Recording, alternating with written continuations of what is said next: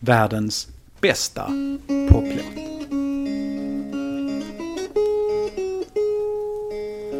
In a demon town, not a soul would look up, not a soul would look up, not a soul would look down, not a soul would look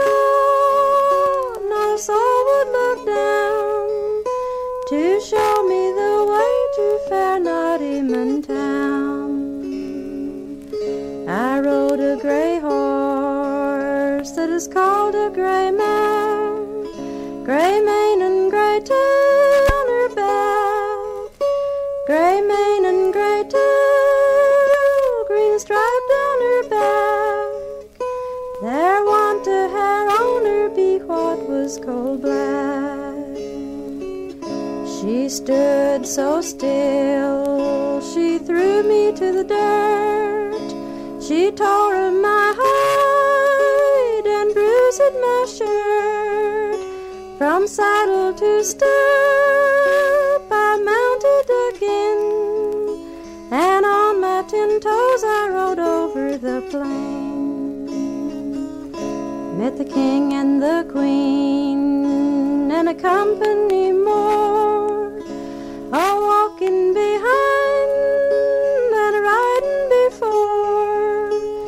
a stark necked drummer, a beating a drum, with his hands in his bosom, come marching along.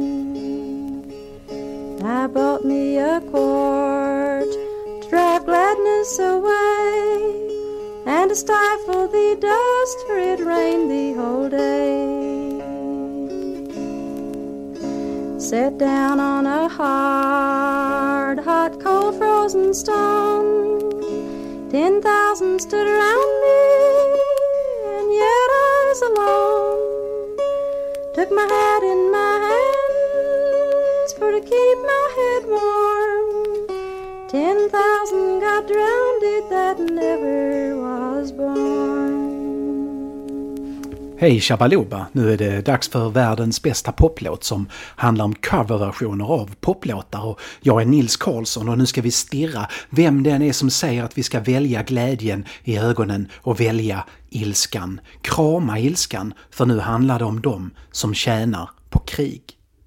Medan bomberna faller Medan unga människor dödar unga människor för att de litar på att äldre rika människor som tjänar på att unga människor dödar unga människor vill unga människor väl så behöver vi vara riktigt jävla arga. Arga på krigshetsare, arga på världen som låter dem få inflytande och fan till och med arga på tillverkare av inte ens medelmåttiga chokladkakor för att deras affärer göder maktstrukturer som lurar unga människor att det är rätt att döda unga människor. 1963 var Bob Dylan skitförbannad. Han var ung och snygg och var den folk påstår en jävel på att sjunga och nästan lika mycket en jävel på att inte sno andras låtar. Det där sista misslyckades han med när han skrev Masters of War. Den är inte ens hjälpligt annorlunda än Gene Ritchies arrangemang av hennes släkts klassiska ballad Not Town. Det där spelar ju ingen roll egentligen och Ritchie fick till slut 5000 dollar av Dylan för melodin och arrangemanget eftersom Dylan jobbade inom den politiska folkmusiken och inom den så var det så man gjorde. Man lånade melodier och skrev nya, mer aktuella sångtexter kring dem. Joe Hill, den mest inflytelserika svenska musiker någonsin, fick ett enormt genomslag i Amerika med sina nya amerikanska texter till Frälsningsarméns sånger. Woody Guthrie hade gjort så, och Peter och Peggy Seeger hade gjort så. Och även om Dylan nyligen hade gjort entré på folkmusikscenen som redan en legend, ett otvättat fenomen, så var han 1963 fortfarande fast förankrad i traditionen att låna en melodi eller två var inte så farlig. En annan sak som Dylan var 1963 var arg. Han var arg på USA trots stor seger i andra världskriget och någon sorts halvt misslyckande i Korea satsade mer och mer pengar på att köpa vapen, på att lagra vapen, på att skaffa vapen. Privata företag forskade fram vapen och tillverkade vapen och USAs militär köpte vapnen. Dylan förstod att om man samlar på sig en massa vapen som lösning så kommer man förr eller senare behöva hitta ett passande problem. Du behöver ett krig för att motivera vapenköpen och den som tjänar på vapnen behöver ett krig för att sälja. Dylan tror att USA inte kommer kunna ta sig igenom 60-talet utan att hitta på något nytt att kriga mot. Något nytt att låta unga människor döda unga människor för. I frustration och ilska skriver han Masters of War till Richies melodi utan att fråga henne eller ens berätta att han inte skrivit låten själv och han säger att han förvånade sig med hur arg den blev. Han hade aldrig skrivit en låt där han önskar livet av någon förut. Men nu hade han. Come you masters of war You that build the big guns You that build the death planes You that build all the bombs. You that hide behind walls. You that hide behind discs. I just don't want you to know I can see through your masks. You that never done nothing but build to destroy. You play with my world like it's your little toy. You put a gun in my hand and you hide from my eyes. And you turn and run farther when the fast bullets fly. Like Judas of old. You lie and deceive. A world war can be won. You want me to believe, but I see through your eyes, and I see through your brain, like I see through the water that runs down my drain.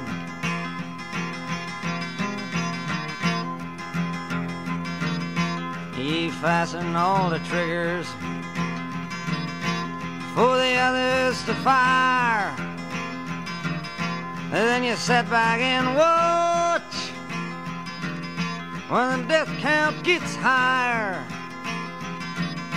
You hide in your mansion while the young people's blood flows out of their bodies and is buried in the mud. He's thrown the worst fear that can ever be hurled. Fear to bring children into the world. For threatening my baby, unborn and unnamed. You ain't worth the blood that runs in your veins. How much do I know? But to talk out of turn. You might say that I'm young. You might say I'm unlearned.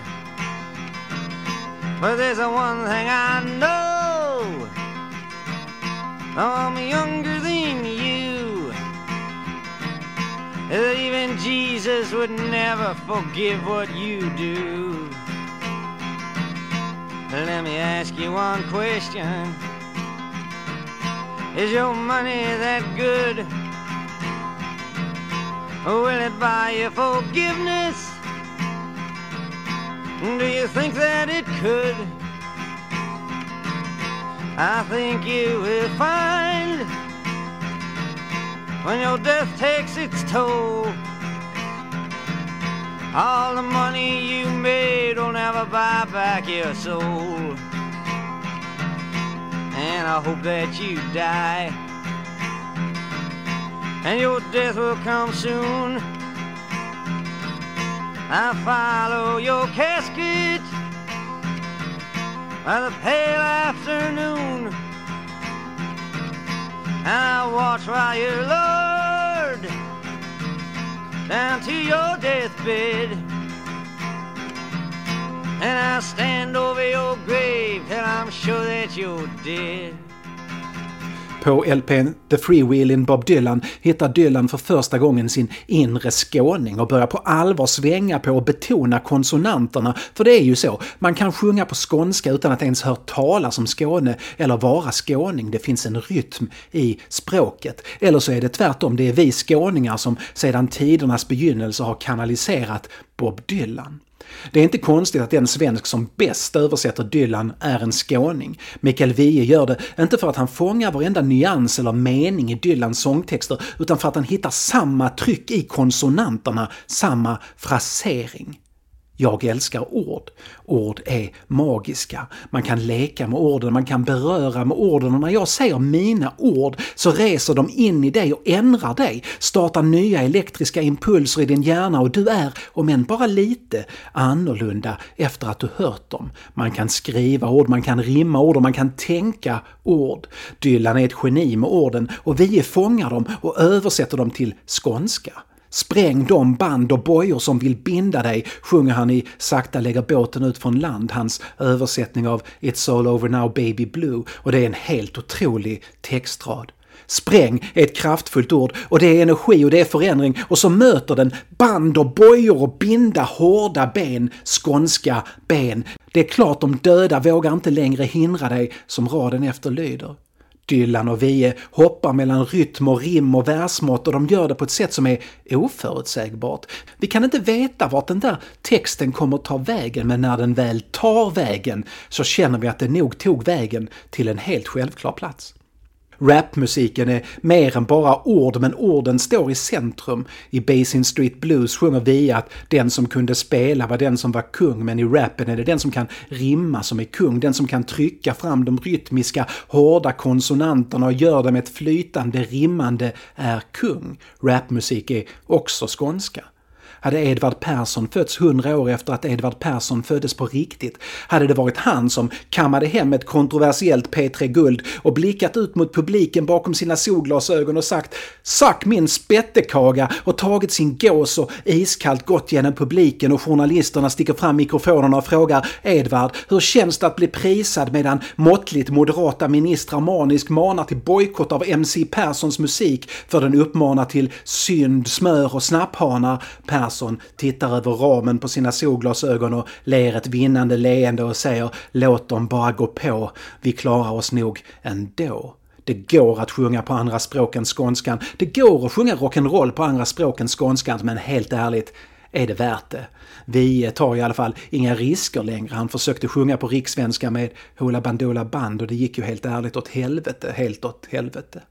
När Wiehe översätter Masters of War 30 år efter att Dylan skrev den är det inte den första svenska översättningen av låten. Lite beroende på hur man räknar i och för sig. Roland von Malmborg översatte låten mot slutet av 60-talet när USA faktiskt hade hittat en anledning för unga människor att döda unga människor och lät tusentals dö i Vietnam. Von Malmborg är en spännande artist miljöpartist. En gång i tiden var jag miljöpartist. Jag gick med i partiet 2003 och jag åkte på min första partikongress 2004 och jag hade en tydlig bild av vad en miljöpartikongress skulle vara, för det hade jag sett på TV. Det vill säga män med långt hår och långa skägg och fjällräven och hemmasydda folkdräkter och stickade luvor och kvinnor som klädde sig som någon sorts parodi på barnprogram från 1970-talet. Till min stora besvikelse var det inte alls så. Det var killar i kavaj med normala frisyrer och det mest anakronistiska jag såg var till att börja med en tjej som hade en Whale-tröja på sig. Alltså Whale, Kea Bergs och Henrik Schyfferts ibland intressanta grunge-pop-punk alternativband från 1990-talets mitt. Men sen såg jag honom, Roland från Malmborg. Helt klädd i blåa manchesterkläder gick han genom hotellets foyer. Hans långa hår vajade vackert och hans skägg var sådär alldeles förträffligt miljöpartistiskt. Han hade gitarren om halsen i ett blommigt band och ta mig fan om han inte hade en slips av trä. En slips av jävla trä. Det var som om alla miljöpartister där i Ronneby hade lämnat ifrån sig all miljöpartistisk modeenergi till Roland och han bar den åt dem. Han spelade där på hotellet, han sjöng om hur kärnkraften kommer förinta oss och han sjöng om fred och han sjöng om krigets herrar. 1969 spelar von Malmborg in skivan Vårt klotrunda fosterland. Han betalar allt själv, inspelning, pressning av LPn och distributionen. Hans förra skiva hade kommit ut på stort bolag men han tröttnade snabbt på att behöva lyda deras instruktioner om hur en artist ska vara så han, så han tyckte det var bättre att göra allting själv.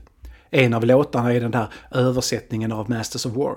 Eftersom allt ska gå rätt till så kontaktar han Bob Dylans förlag och ber om lov att översätta. Men se, det går inte. Dylan tycker nämligen att folk ska skriva sina egna jävla låtar och inte hålla på och skriva egna texter till andras melodier. Så det blir nej, inte en chans. Glöm det, Roland. Från Malmborg skriver en egen melodi och visst, den är väl inte helt oäven. Texten är extremt 1969, men det är inte så konstigt eftersom den är från 1969. Den är inte i klass med Vie, den är inte i klass med Dylan och den är inte på skånska, men tänk er den på skånska. Tänk er den på underbar, sexig skånska. Ni mördandets herrar, ni mästare i krig Utan samvet spärrar er blodiga intrig Varken klingande titlar, PR-uppbåd eller blanka skrivbord kan dölja era dåd. Ni påstod mig vara ett aggressionshämmat barn. Den medicin ni bjöd gav er vatten på er kvarn. Köp den amerikanske leksakssoldaten G.I. Joe. Jag fick leka krig år efter år Plastbyggsats till kärnvapenbombare Mitt barnasinne tvangs i våldets spår Sexskjutare för prickskytte på indianer Vi förbereder krig i en värld fylld av nöd Mens hatet gror bland dem som ropar efter bröd Två tredjedelar av världens befolkning får fel eller för lite föda från en hungrande värld resurser vi tar till våra vansinnen som vi kallar försvar. Försvarets fabriksverk generaldirektör Svärd En levande människa, säg vad är hon värd? Kanske några kronor om hon bor långt bort Människoliv räknas inte när vi kör på export. Ja, staten har tillsatt en generaldirektör. Krigsindustrin ger sysselsättning åt goda hjärnor och resurser som ser till att Sverige är med där som människor dör. Till öst och väst svenska vapen, blott betalningen är god. För att jag är svensk bär mina händer blod. Men Vem blir beordrad att döda och dö?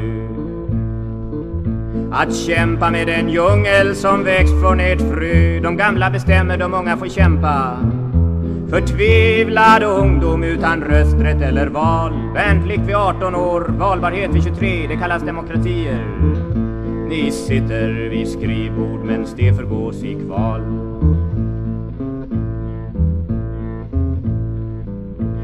har skapat en fruktan så hemsk att klä i ord. Fruktan att föda barn till denna vår jord. Ni hotar mina små, ofödda utan namn som jag än ej fått hålla ut i min famn. Sak vill jag säga, jag hatar inte er. Men jag hatar det mörker åt vilket ni er ger. Som villiga redskap för att få profit och makt. Medmänniska, res dig, bli värd mer än förakt. Om vi kallar oss kristna, vem tror vi då Jesus var? Var hans lära som vår, ja då var han barbar då hade Golgata blivit slagsmål med mor till hans försvar. Men han älskade alla och hans minne lever. Roland von Malmborg med Krigets herrar som alltså spelades och skrevs och gavs ut innan Lennon spelade och skrev och gav ut Working Class Hero och jag tror inte att Lennon kan ha hört von Malmborg men det är samma låt. På något sätt har de skrivit samma jävla låt. I Sverige kör vi med en vapenindustri som är förbjuden att sälja vapen till någon som kan få för sig att använda dem till att attackera folk. Men på någon underlig vänster lyckas de ändå allt som oftast hitta till soldater som just attackerar folk. Det finns en tydlig dubbelmoral i det hela men systemet bygger på den där dubbelmoralen. Tanken bakom svensk vapenindustri och svensk krigsmaterielpolitik efter andra världskriget, där vi låg både geografiskt och politiskt mitt emellan två supermakter och deras allierade, är att vi måste vara självförsörjande på vapen, oberoende. Men den svenska krigsmakten är inte stor nog att kunna köpa tillräckligt mycket vapen för att företagen som tillverkar dem ska känna sig nöjda med vinsterna och utdelningarna och kunna arbeta långsiktigt som någon annan måste köpa. Och inte sällan är det någon som tänker använda vapnen. Vårt oberoende kräver alltså att vi tittar åt sidan vid behov, att vi blundar strategiskt. Det här irriterar Wiehe och han återkommer till det ofta i sina texter, men aldrig så känslosamt och så starkt som i Ni som tjänar på krig. Ett tidigt försök är låten Bofors som Wiehe själv spelade in först 1993 men som Björn Afzelius hade på repertoaren redan 1979. Den är med på Bakom kulisserna fast Afzelius kallar den för Skyll inte på mig. Vers efter vers pekar Vie på alla som skyller ifrån sig. Kom inte här och skyll på oss, säger jobbarna på Bofors. Om inte jag jobbar så är det någon annan som gör det. Aktieägarna säger att om inte jag köper aktierna så är det någon annan som gör det. Statsministern skyller ifrån sig. Skattepengarna ska in och kanonerna säljer som smör och det är faktiskt mer än vad smöret gör. Men långt bort i ett annat land drar dödens ängel fram och dödar med svenskt stål. Bofors är smart och rimmar bra och fyndigt, men låten är som så mycket annat vi skriver alldeles för intellektuellt. Det är en smart låt, men var är ilskan? Inte där. Sakta men säkert bygger Vi upp sitt rykte som Dylan-översättare. Han blir känd som en av de bästa och Dylan och hans förlag litar på honom. När svenska vapen dyker upp i händerna på båda sidor i kriget i Irak efter att George Bush den andre beslutat sig för att det är en jättebra anledning för unga människor att döda unga människor, att någon annan än Irak utfört fasansfulla terroristattacker mot USA. De har farliga vapen, säger Bush utan att veta att det bland annat är svensk kvalitetsexport han syftar på. Svenska vapen på båda sidor. Högteknologiska på den amerikanska. Kriget blir som en reklamfilm. Äldre vapen hos Irak men svensk kvalitet. Och någon har tjänat pengar på det. Någon har tjänat pengar på de där vapnen. Vi skickar frågan till Dylan. Kan jag översätta Masters of War? Det får han, det gör han. Och den blir bättre än Dylans version, bättre än von Malmborgs version och bättre än Gene Ritchies version. För här hittar vi äntligen sin primala ilska. Inga smarta invändningar, vändningar eller hänvisningar till ekonomisk historia eller marxistisk samhällsanalys. Vapnen som dödar unga människor tillverkas av någon som tjänar på krig. Någon som inte riskerar något annat än en möjligt försvagad aktiekurs om något går snett. Fan ta den människan, tänker Vie. Och Vie skriver, han skriver som aldrig förr. Mikael Wiehe är komplicerad. Hoola Bandoola Band var ett snällt proggband, inte banbrytande på något sätt men hade melodier som var bättre än det mesta annat som gjordes i Sverige på 70-talet. Det är vi, eh, Nationalteatern och ABBA. På sista Hoola-skivan sjunger de på skånska men det är inte särskilt spännande eftersom Peps Persson redan krossat det glastaket. Vi bildar nytt band, Cabaretorkestern tillsammans med Ale Möller och hans första skiva där, Sjömansvisor, är väldigt mycket en Hola-skiva fast med bättre musiker. Titanic, andra Klass-passagerarens sista sång, är en klassiker. Den kommer sjungas i generationer eftersom den bärande metaforen är så allmän att det kommer finnas ett nytt osänkbart skepp som sjunker i alla tider. Andra skivan är betydligt mer Ale Möller och Möller är briljant. Han kan spela alla instrument som finns och när han lärt sig spela alla instrument som finns så uppfinner han nya bara för att lära sig spela dem också. Skivan heter Elden är lös och det är en konceptskiva med ett koncept som faktiskt håller för en hel skiva. Sverige i tiden, slutet på 70-talet. Folkhemmet är färdigbyggt men det är något som skaver. Fortfarande står Vie fast i den folkmusikiga jazz och rock han alltid gjort men efter den skivan spränger han de band och bojor som binder honom. De närmast följande skivorna är musikaliskt helt otroliga. Hans nya musiker, mest Jan-Erik Fjällström, Arne Frank och Håkan Nyberg, spelar närmast new wave. Kråksånger är övergången, syntarna fyller ljudbilden och den blir mörkare och mer utmanande. Ibland plågsamt minimalistisk, ibland starkt och hårt. Texterna blir tuffare, ibland mer personliga och vi utmanar våra föreställningar. Katarina är en ovanlig sexuell sång. Vi undviker ämnet förvånansvärt mycket, kanske är han pryd. Men här är sexet till slut. Sex och samhällskritik och marxistisk analys, för Vie är Vie. Vie längtar efter Katarinas kropp på refrängen och i verserna undersöker han andras sexualitet. Benke köper porrtidningar och runkar och det gör honom till en gammal man. Vies syn på onani verkar ligga nära den Ozzy Osbourne sjunger om på No Bone Movies, men säger att om man inte kan göra det man vill så får man väl göra det man kan. Nästa vers talar Vie till oss och sin egen moraliserande syn på prostitution. På gatan kammar Marit ut sitt långa svarta hår. Hon har världens äldsta yrke fast hon bara är 22. Jag tycker hon förstör sig, sjunger Vie, men andra säger det är helt okej. Okay. Hon äger i alla fall sina produktionsmedel och det är mer än man kan säga om dig. Konsonanterna konsonantar och orden träffar och orden gör fan ont. Kråksånger innehåller pärla efter pärla och bara Flickan och kråkan, nästan titellåten alltså, känns textmässigt trött. Det gör inget för musiken är radikal än idag. Flöjten, synten, crescendot som retar men aldrig når någon förlösning. De ensligas allé är bara Dylan-tolkningar. Vi låter oss inte besegras för vandlar Dylans The Times Are Changing till desperat synt och min älskade stod inför rätten idag som Vie ursprungligen översatte åt Dan Hylander är mörk och atmosfärisk. Den 35-åriga Vie lyssnar på den senaste musiken från England och min älskade stod är det närmsta man kan komma Orchestral Maneuvers in the Dark utan att vara Orchestral Maneuvers in the Dark. Lindansaren och Hemingwayland är den tunga synten korsad med 80-talets David Bowie Bowie och skivan med Afzelius är mer mainstream men ändå textmässigt makalös. Basin Street Blues är det sista mästerverket. Vi går all in på symfoniorkester utom på Johanna från Orleans som blir ett farväl till synten. De där skivorna är bland det bästa som gjorts i Sverige. De borde gjorts av en ung man i början av sin karriär och inte en man åren mellan 30 och 40. De hade varit lättare att marknadsföra då. Om det varit en sexig gud som Olle Ljungström som frontat dem och inte vi liksom.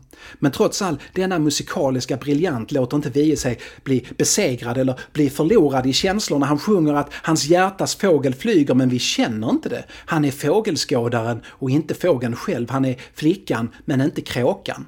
Flickan springer med fladdrande lockar på taniga ben men det är nog så att Vie fan inte ens är flickan. Han är mannen som satt häromdagen och läste sin tidning en dag som så många många förut när han ser bilden av flickan. Mannen ser en bild. På bilden är en flicka. Flickan håller kråkan. Vie är tre steg från känslan.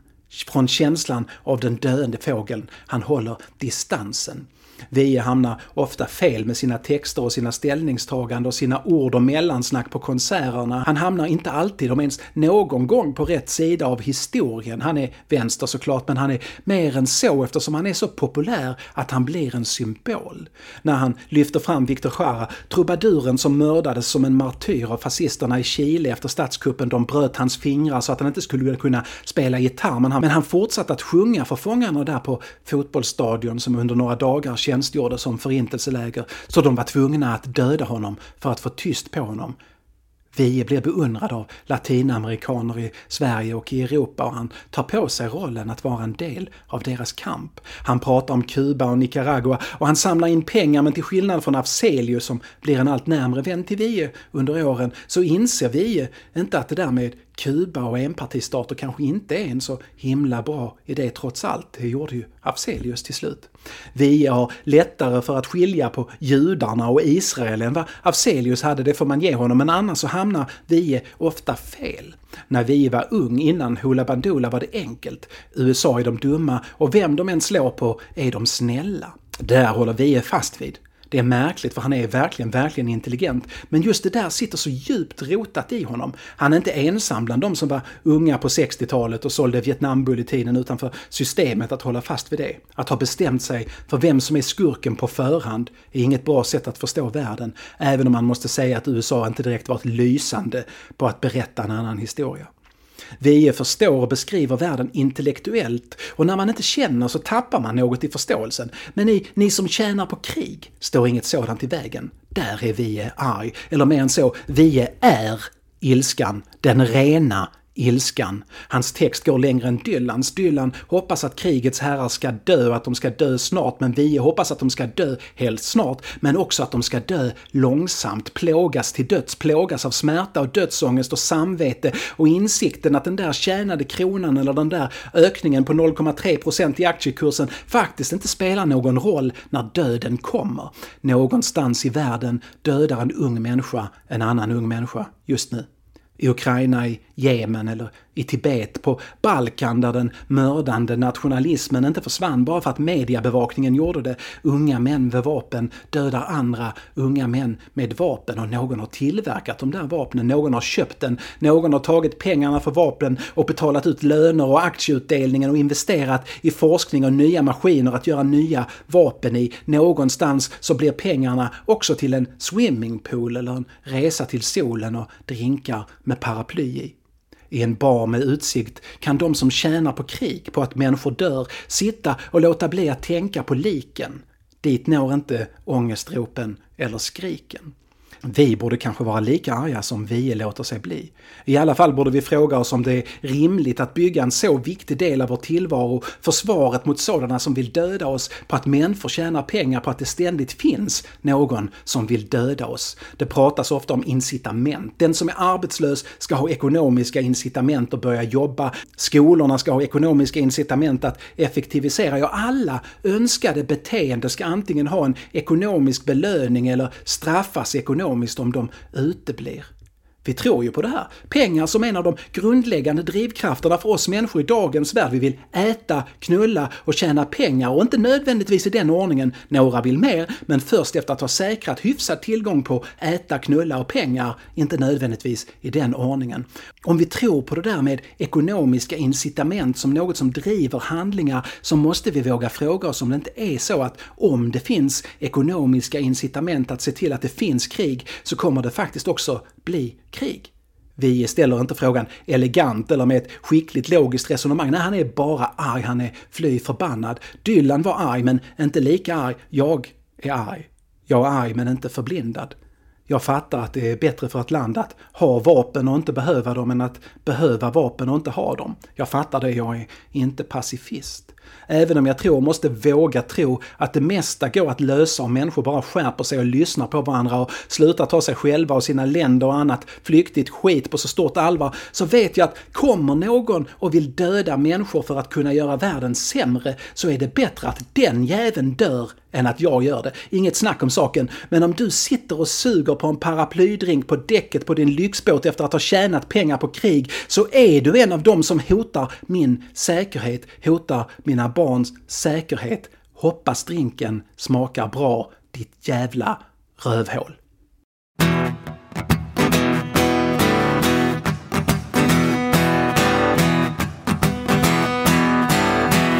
Ni som tjänar på krig och på att människor dör. Ni som tillverkar vapnen som slår ihjäl och förstör.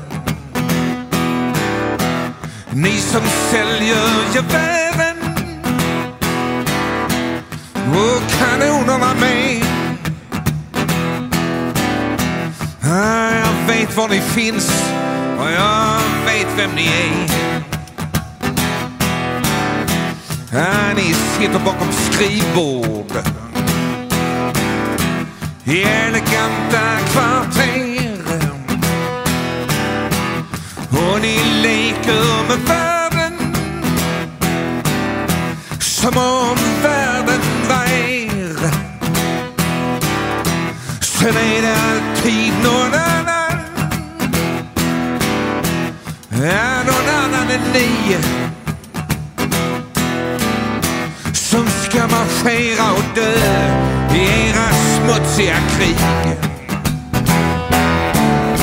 Det är alltid de många som ni skickar till slakt. Medan ni sitter hemma i era slott och palats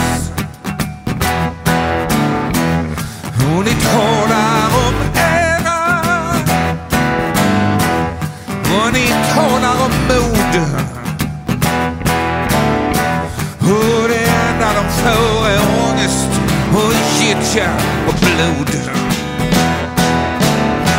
Ja, ni hycklar och ni ljuger. Och ni kör era spel. Men jag kan se rakt igenom era lögner och svek. Och ni talar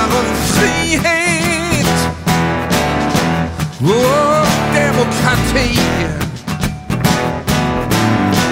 Och så handlar det bara om simpel profit. Och ni skickar missiler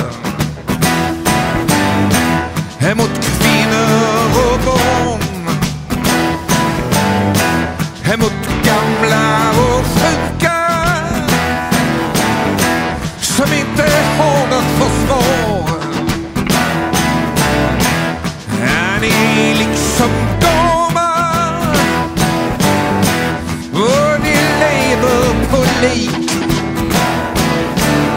Fast det är klart vi slipper ju höra de sårade skrik. Och ni hotar vår framtid och våra ofödda barn med bakterier och djur.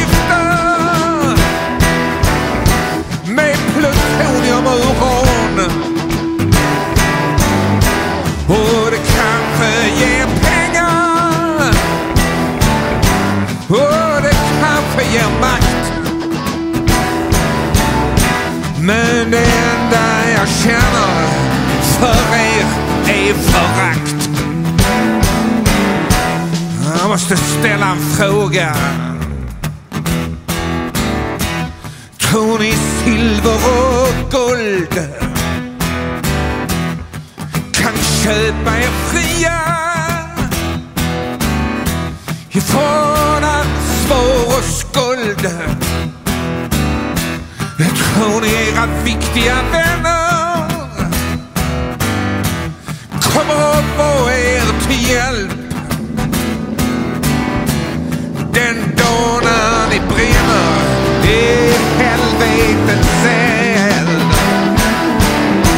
Ah, jag hoppas att ni dör. Och att det inte går fort. Att ni förpinas och plågas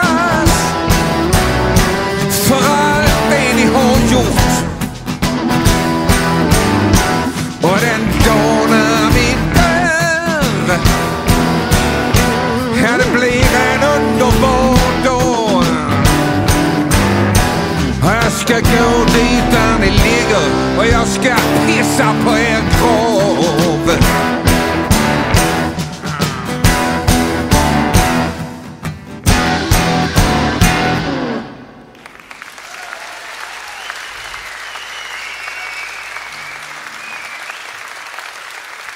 Tack vänner.